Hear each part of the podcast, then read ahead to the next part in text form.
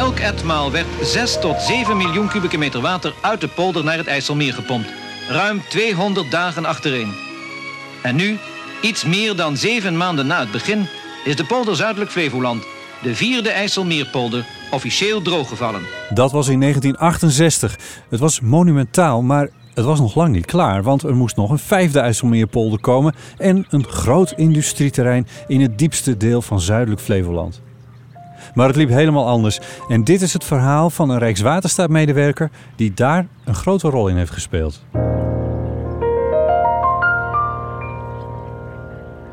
Welkom bij de podcast van Rijkswaterstaat. Mijn naam is Botte Jellema. Deze aflevering gaat over de Flevopolder, het grootste kunstmatige eiland ter wereld. En wel over één man die de ontwikkeling van dit gebied vanaf een paar jaar na de drooglegging helemaal heeft meegemaakt. Dat je dan dus aan het eind van, maar ik, ik ga je nou in oktober ga ik weg. En dan, en dan denk je, Ja. god, dan sta ik hier nou nog als polderman. Het is ook wel weer grappig. Menno Bart van Eerde. Hij is ecoloog en senior adviseur waterkwaliteit en natuurbeheer bij Rijkswaterstaat. Werkzaam in het gebied van Markermeer en de Flevopolders. Officieel is het 1 oktober, dan is het game over. Ja, Twee keer verlengd al. zo te horen heb je daar helemaal niet zoveel zin in. Nou, zin is een groot woord. Nee. Kijk, mijn, mijn, mijn, mijn werk is natuurlijk altijd... Ik, kijk, gechargeerd, mijn, mijn hobby is mijn werk geworden. Menno Bart kent het hier als geen ander. Al was het maar omdat hij hier al eind jaren 70 kwam werken.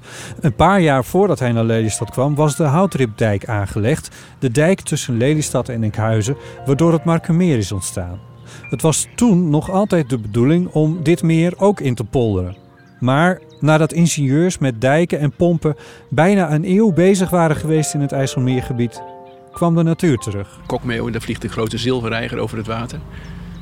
Nou, die hadden we dus twintig jaar geleden helemaal niet. We ontmoeten elkaar op de dijk tussen Lelystad en Almere met uitzicht over het Markermeer. Menno Bart heeft een verrekijker bij zich die hij er af en toe gedachteloos bij pakt. Hij is opmerkzaam voor alles wat er om ons heen gebeurt op deze zonovergoten dag. Ik, ik ben in, de- in de Universiteit van Groningen ben ik opgeleid als, als dierecoloog. Dierecoloog. Ja, Ja. ja. dierecoloog. Ehm, dus, dus alles over, over, over dieren en hun omgeving. En dan vooral omgeving in de relatie tot voedsel. En dat was interessant voor, eh, voor Rijkswaterstaat toen al. En toen nog de Rijks voor de IJsselmeerpolders. Ja. Omdat ze iets wilden weten over het Markermeer in relatie tot natuur. Natuurwaarde was totaal onbekend in die tijd. Straks meer over zijn onderzoek in het toen net ontstane Markermeer en over zijn bijzondere opdrachtgever, de Rijksdienst voor de IJsselmeerpolders. We kijken over het Markermeer uit en zien die zilverreiger eroverheen scheren. En die soort die is dus zeg maar dankzij dit ja, in de polder gemaakte nieuwe natuurgebied, de Oostvaardersplassen, Ja. gaan broeden. Voor het eerst in Nederland eigenlijk. Dat, en dan, nu zijn we eraan gewend, overal in Nederland heb je ze. Maar dit is de motor voor die soort in Nederland geweest, omdat nou ja, dat natuurgebied zo bijzonder werd. Ja. Nou ja, ooit onbedoeld natuurlijk eh, ontstaan vanuit een idee aanvankelijk industriegebied. Dat is Dat, ik dacht dat dat een mythe was, maar dat is dus echt zo. Oorspronkelijk de Oostvaardersplassen, want die hebben we hier aan de andere kant, Ja. was bedoeld als industrieterrein. Ja, dat was, dat was natuurlijk de, de polder Zuidelijk Flevoland. Hè? De, de polder die voor de Markerwaard eh, eh, Ja. zou- eh, werd aangelegd in 1968 al. Ik, ik denk niet dat iedereen dat helder voor ogen heeft, maar de, de, de, de Flevopolder is eigenlijk in twee delen opgedeeld. Ja. En het, ja, het bovenste deel heet dan Oost-Flevoland. Ja. En het onderste deel, en dat, die, die dijk die loopt zo'n beetje, nou ja, waar wij nu staan, dwars door de polder. ja, klopt. In Zuidelijk Flevoland is Ja. het andere deel dan. En dat is, dat is Almere, eh, Nijkerk richting eh, Ja. Zeewolde. Klopt. En, ja. Ja, dat is Zuidelijk Flevoland. Ja. En Oostvaardersplassen. En Oostvaardersplassen. En dat Oostvaardersplassengebied, wat nu dan Oostvaardersplassengebied is, dus zo'n zo, zo'n kleine 6000 hectare groot. Dat was dus aanvankelijk voorbestemd, liggend aan het, aan het, aan het Markermeer. En, het- en het Markermeer zou dan wel Markerwaard worden, maar daar zou dan nog een, via een Oostvaardersdiep een vaar Ja, eh. Ja. Dan zou dat industriegebied zijn tussen Lelystad en het toen al geplande Almere. Zo, zo had men dat globaal op de kaart. Alleen de natuur zag zijn kans schoon in, die, in dat laagste gedeelte van, gedeelte van de polder. Ja. Om daar een, een ongelooflijk rijk eh, gebied eh, eh, te gaan ontwikkelen zelf. Ja, omdat net dat waterpeil en de vruchtbare bodem, dat was geen zandgebied, maar dat was gewoon echt super vruchtbare bodem. Dus daar kreeg je een explosie van muggen, van, van, van vissen eh, en daarmee ook vogels die daarop afkwamen. En toen zei men, ja, maar dat kunnen we natuurlijk niet in een industriegebied laten omwentelen, laten we dat net iets anders plannen. En dat is wel zo mooi om te zien in dat hele verhaal van die polders. Dat een aanvankelijke bestemming en een blauwdruk, dat werd geen blauwdruk, maar dat werd dus omdat ook de maatschappij, ja, die ontwikkelde zich ook, de gedachten veranderden. Uh, kreeg, dat bestem, eh, kreeg dat gebied uiteindelijk ook een andere bestemming. Ja. ja. En is het natuurgebied geworden. En je moet je voorstellen dat die ingenieurs die daar natuurlijk aanvankelijk mee bezig waren en dat allemaal al hadden, hadden, hadden voorbestemd van, nou ja, hoe moet dan de kavelafstand zijn, hoe moet de ontwateringsdiepte zijn. Ja, voor de landbouw. Voor de landbouw en, en eventueel later bewoning of, of, of bedrijventerreinen. Ja. Weet je, dus een totaal andere richting ja, die werden geconfronteerd met: oké, nou moet het natuur zijn en hoe groot moet het dan zijn en waar lopen die grenzen dan en, en moeten we dan nog wat doen of niet? Weet je? Dus, dus zoveel aanpassingen ten opzichte van het oorspronkelijke plan, dat je eigenlijk als je nu terugkijkt, dat je denkt: god, dat dat mogelijk was. Dat dat mogelijk was. En dat was mogelijk. En het is allemaal gedocumenteerd, het is allemaal belegd met ook wetenschappelijk onderzoek, met studies, met proeven. En uiteindelijk is dat geleid tot wat we dan nu zien. En bij dat documenteren heeft Menno Bart een grote rol gespeeld. We steken de weg over en lopen door een hek de Oostvaardersplassen in. En, en naar beneden, hè? Van, we, we, dalen, we dalen nou echt af tot de kern van, van waar het om gaat bij polders maken. Dat een polder natuurlijk een laag gelegen gebied is. Het is dus een droogmakerij. Het klinkt heel gek, we lopen nou naar een wetland, dus eigenlijk naar een moerasgebied. Ja. Maar toch is, is het hydrologisch gezien is het een, is het een mini-polder in de polder. Dus, dus we zijn nou 3,5 meter naar beneden gelopen. 4 hm. meter misschien wel. Ja. En, en, we hebben hartstikke droge voeten. We lopen beide op schoenen. Dus niks lieslaarzen of, of wat ook. Nee. En we gaan Hoewel het wel wat sompig wordt hier en daar als je van het paadje afgaat. Ja, het paadje af, dat klopt. Dus dat, dat is zo bedacht. Maar, maar op zich is het natuurlijk heel bijzonder dat je dan dus... Ja, uh, dankzij het pompen ook, uh, ja, die waterstanden dus, dus reguleert op het niveau waarbij ze functioneel zijn. En voor de landbouw ligt dat dus veel lager dan voor de Oostvaardersplassen, waar we nu dus in zijn. En dit was dus het allerlaagste gebied in die polder Zuidelijk Flevoland. Daarom is het dus ook zeg maar, tot ontwikkeling gekomen. Zou het ook het laatst worden uh, gekoloniseerd door mensen. Nee, men begon altijd aan de hoge randen, dus aan, aan de randen van het oude land. Daar, daar begint dan zo'n ontginning met uh, tijdelijke landbouw. Je hebt een enorm uh, landbouwkundig areaal gehad. Wat op zich ook allemaal weer natuurlijk betekenis had voor kiekendieven, voor ganzen, voor grote roofvogels als zeearenden, die dat toen ook al overwinterden. Nog niet broeden, dat duurde tot, tot, 2000, uh, tot 2006. Oh wauw, zo lag je er al 50 jaar. Ja, precies. En, en, en, maar, maar dus uitgerekend de eerste zeearend die dus ging broeden in Nederland, nadat het dus zeg maar, nou ja, uh, vele honderden jaren uh, weg geweest was, die vestigde zich uitgerekend in dit gebied. Ja. En dat geeft nou zo mooi aan dat het dus niet alleen het terreintype is. Want kijk, zo'n terreintype als we hier zien, we zien wilgen, we zien riet, we zien wat gras, we zien open water. Dat heb je natuurlijk op veel meer plaatsen in Nederland. Maar het feit dat het dan zo groot is, ja. En zo aaneengesloten. Dat hebben we nergens. ja, de wadden, maar dat hebben we weer geen riet. Nee, precies. Dus dit is een zoetwater uh, moerasgebied. Wat zijn weergaar niet kent. Hier, dan hoor je een, een blauwborst. Hier. Ja. Deze? Dit, is een blauwborst, ja. daar word je helemaal blij van, van dat beestje. Dat is een, die heeft een beetje rood en een blauw keeltje. En dan zit nog een klein wit stipje in. We gaan... Heel mooi. Met een beetje nachtegaalachtige klanken. En daaronder hoor je een achtergrondskoortje van kleine karakieten. Enkele rietzangen, tuinfluiten daar in het bosje. Ik meen een kieviet in de verte te horen. Ja, dat zou kunnen. Geweldig, hè?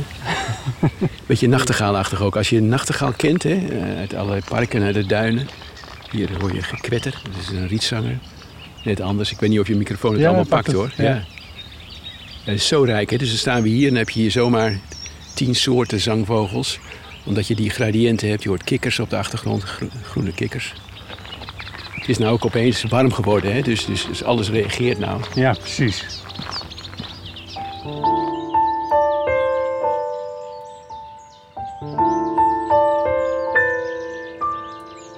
We volgen het pad tussen de bomen en de struiken door tot we bij een vogelkijkhut aankomen. Je vergeet het als je er bent, maar dit is een natuurgebied dat drie meter onder zeeniveau ligt en bemalen wordt. Waar, waar, waar we dus hier ook naar kijken. Dus, dus we staan hier nog achter een schot, we zien het even niet, maar zak je iets door de knieën, dan kijk je door dat gat heen. En dan zie ik daar een lisdodde en ik zie daar riet. En ik zie daar ganzen, hoor ik daar op de achtergrond. Ik, Ja. ik zie daar moerasandijvie. En dat alles- Zwaluwtjes die hier laag overheen Ja, scheren om de vliegjes op te pikken. Ja, en die zouden hier weer niet kunnen broeden als ze hier niet die, die overkapte hut. Nee, dan waren ze staan. hier misschien niet. Dan waren ze hier niet. Nee, het is een boerenzwaluw toch? Ja. Ja, ja, ja, ik kom van een boerderij, dus dat weet ik dan toevallig wel. Prachtdieren zijn het. Kijk nou, hier hangt hij gewoon. Op twee meter afstand van je. Ja. En die krijgen succesvol jongen groot. En niemand doet dat ook. Kijk, vroeger in de jaren 60 en 70 was er vandalisme.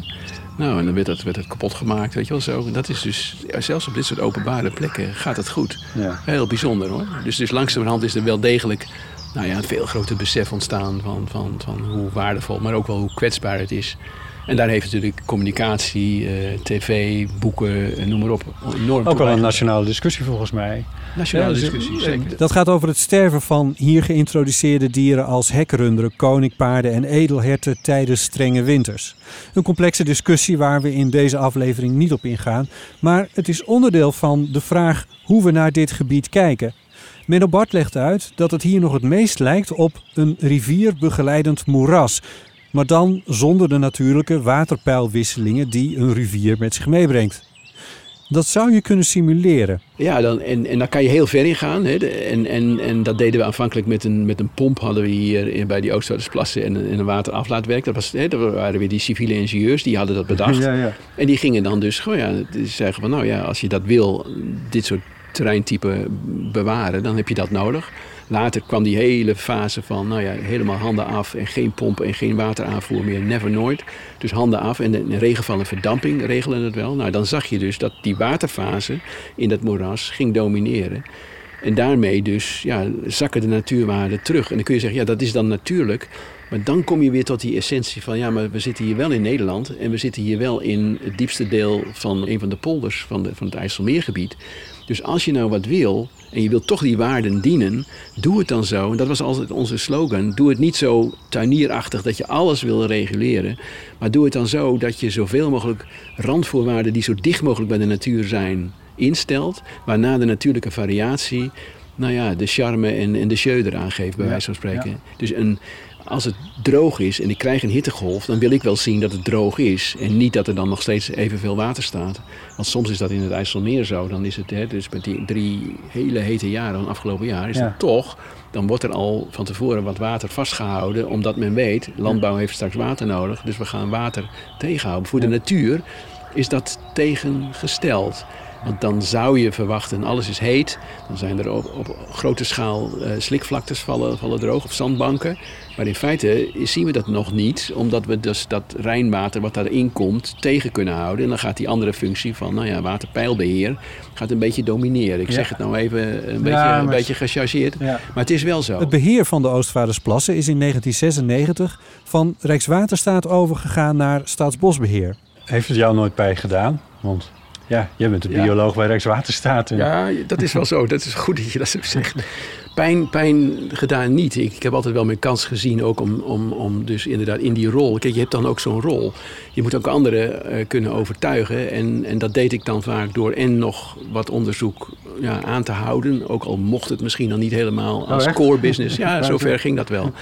Als ik nou kijk op 42 jaar eh Menno Bart bij Rijkswaterstaat en zijn voor, eh, voorgangers dan is dat wel een, wel een, wel een zaak dat ik denk, oeh, daar hou ik mijn hart nog wel vast van. Hoe gaat dat nou precies verder? Maar goed, Ja. je kan het niet Nee. vasthouden en, en je moet het ook overgeven. En er is ook alle, alle vertrouwen dat dat toch wel weer zo, eh, misschien anders dan, ik, dan je ooit, ooit, ooit had gedacht. Maar het gaat door. En het mooie van dit hele verhaal is dat het concept van samen op en sterk zijn naar de toekomst toe, dat wordt steeds, steeds, steeds helderder. En die behoefte aan integraliteit en het, en het, en het, en het, en het in interactie zijn met het publiek. Dat is ook een hele belangrijke. Hmm. Maar dat, ook, dat het ook gedragen wordt. Dat je niet als overheid zegt, we dicteren hier, dit moet gaan gebeuren. Of we, we, we moeten en we zullen. Nee, we dragen verantwoordelijkheid. En we hebben, we hebben die pet op. En als Rijkswaterstaat ook. Ik zat vanmorgen nog op de website te kijken. Nou, bij ons nieuws, daar, daar zien we dan is nu zo drie, vier items staan. Hè, de houting terug eh, bij een vispassage. eh, de, de film over de Markerwadden afgelopen weekend. Met andere woorden, en, en nog een paar van die kleinere onderwerpen. Dat ik denk, hé, hey, maar het is allemaal natuur, natuur, natuur. Allemaal specifiek, allemaal op ons super interessante werkgebied. Maar daar gaat het ook over. Maar we zijn er ook trots op. Dus het is niet alleen maar strooien van, van, van zout of het, het, het, het garanderen van de veiligheid, die hartstikke belangrijk zijn. Maar het is ook dit aspect. En dat is wel heel mooi om te zien.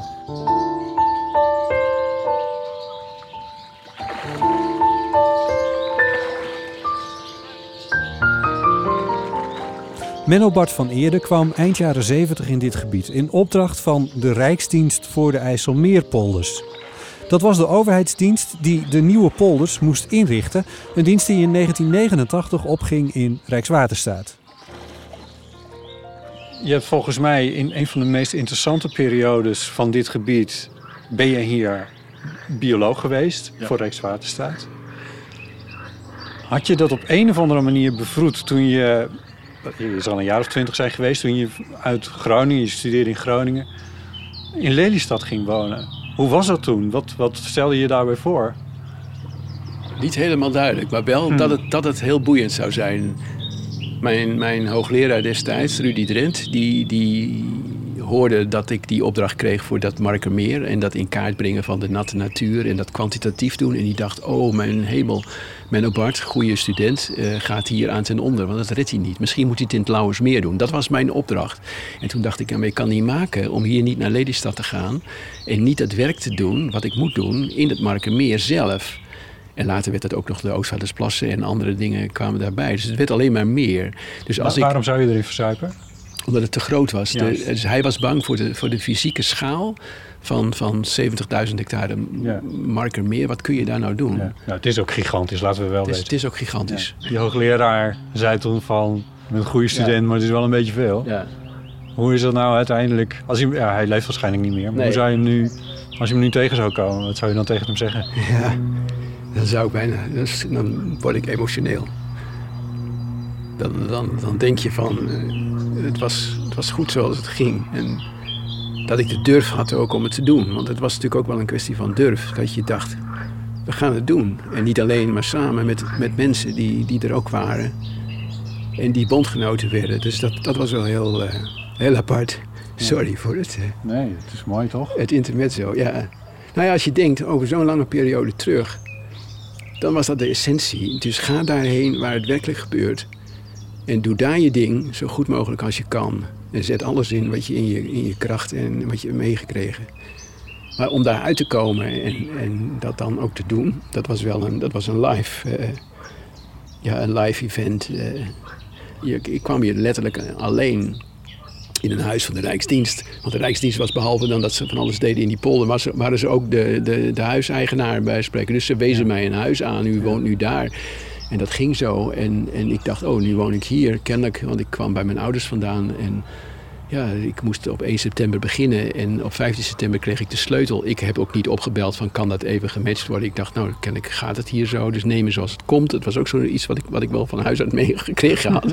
dus ik verbleef twee weken op de camping tot ik dat huis in kon. Begrijp je? Dus dat was ook, ook puur pionieren mijnerzijds. En, ik, en ik was dus lost van Groningen. En ik zat in Lelystad, eh, ja, eh, place in, eh, in the middle of nowhere, bij, bijna. Hè, hoewel het natuurlijk allemaal al behoorlijk in ontwikkeling was. Het was al ruim, ruim 12, 13 jaar oud. Maar goed, het, het, het was natuurlijk toch allemaal jong en, en, en die pioniergeest. Maar goed, gaandeweg die, die structuur waar ik in... Waar ik, het was toch een soort warm nest van wel wat vreemde mannen, met name mannen toen nog in, in, in, die, in, die, in die rijksdienstwereld. Die, die allemaal wel gedreven waren. Hè. Er, reed, er reed dus een hydroloog rond op een, op een motor. eh, Wim Sieben, eh, die, die, die, die was nog in de Wieringenmeer geweest. Dus, dus hij was er dan nog. Dus hij was toen net zo oud als ik, als ik nu ben. En, maar, die, maar die zag je dan als student daar opereren. Weet je, dat was wel heel apart. Ik dacht, god, je bent ook geen gewone, dacht ik nog. Maar dat vonden ze van mij ook wel. Want ik hield natuurlijk verhalen. We hadden dat wilde woensdagen en dolle dinsdagen. Daar werden speciaal soort verhalen verteld aan elkaar. Om dus, eh, ja, je, je, je rapporteerde dan over je onderzoek. En, en dat was ook een soort test van, hey, kan die werkelijk doen wat hij zegt dat hij doet? Maar soms dan keken de mannen zo, die hadden vaak van die snorren, weet je wel, van die, van die, van die serieuze uh, waterstaatkundige ingenieurs. Ja. Maar die keken ook wel van, goh, dan horen, horen we iets over biologie en over waarden en natuurwaarden. En dat, dat vonden zij natuurlijk ook allemaal een beetje vakantieachtig en een beetje... Maar goed, het moest kennelijk, want er waren al eerder biologen geweest die gingen muizen tellen. Of, of, of, of, of, of kerkuilkasten plaatsen in boerderijen. Want dat is ook allemaal gebeurd, hè. Ja. Dus, dus, dus, dus wel, er is zoveel gebeurd.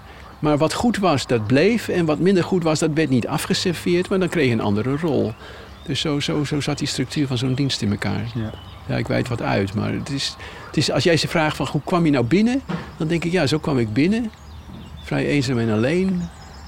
Maar toch wel in een soort groep, in een soort geborgenheid... waarin er dus wel plek was ja, voor, voor anders denken. En, en, en er kon ook veel, weet je. Dus als je dus een goed plan had, dan werd dat beloond in, in de vorm van... nou, dan was daar wat geld voor en je kon dingen doen. Dus toen, ik Ja. toen ik ook zei, kan ik misschien vanuit de lucht vogels tellen... toen keken ze wat vreemd, maar toen hebben ze dat gewoon geregeld.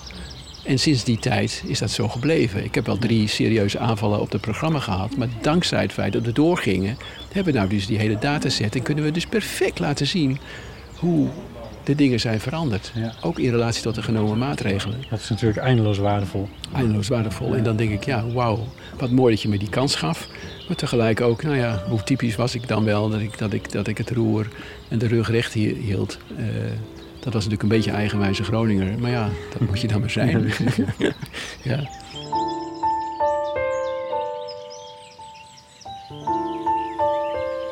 Zullen we weer teruglopen? ja.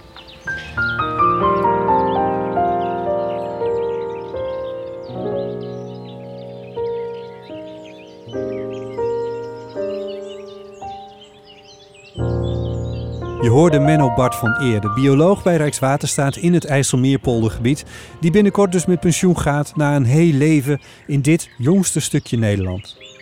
Dit was een aflevering van de podcastserie over het werk van Rijkswaterstaat. Bedankt voor het luisteren.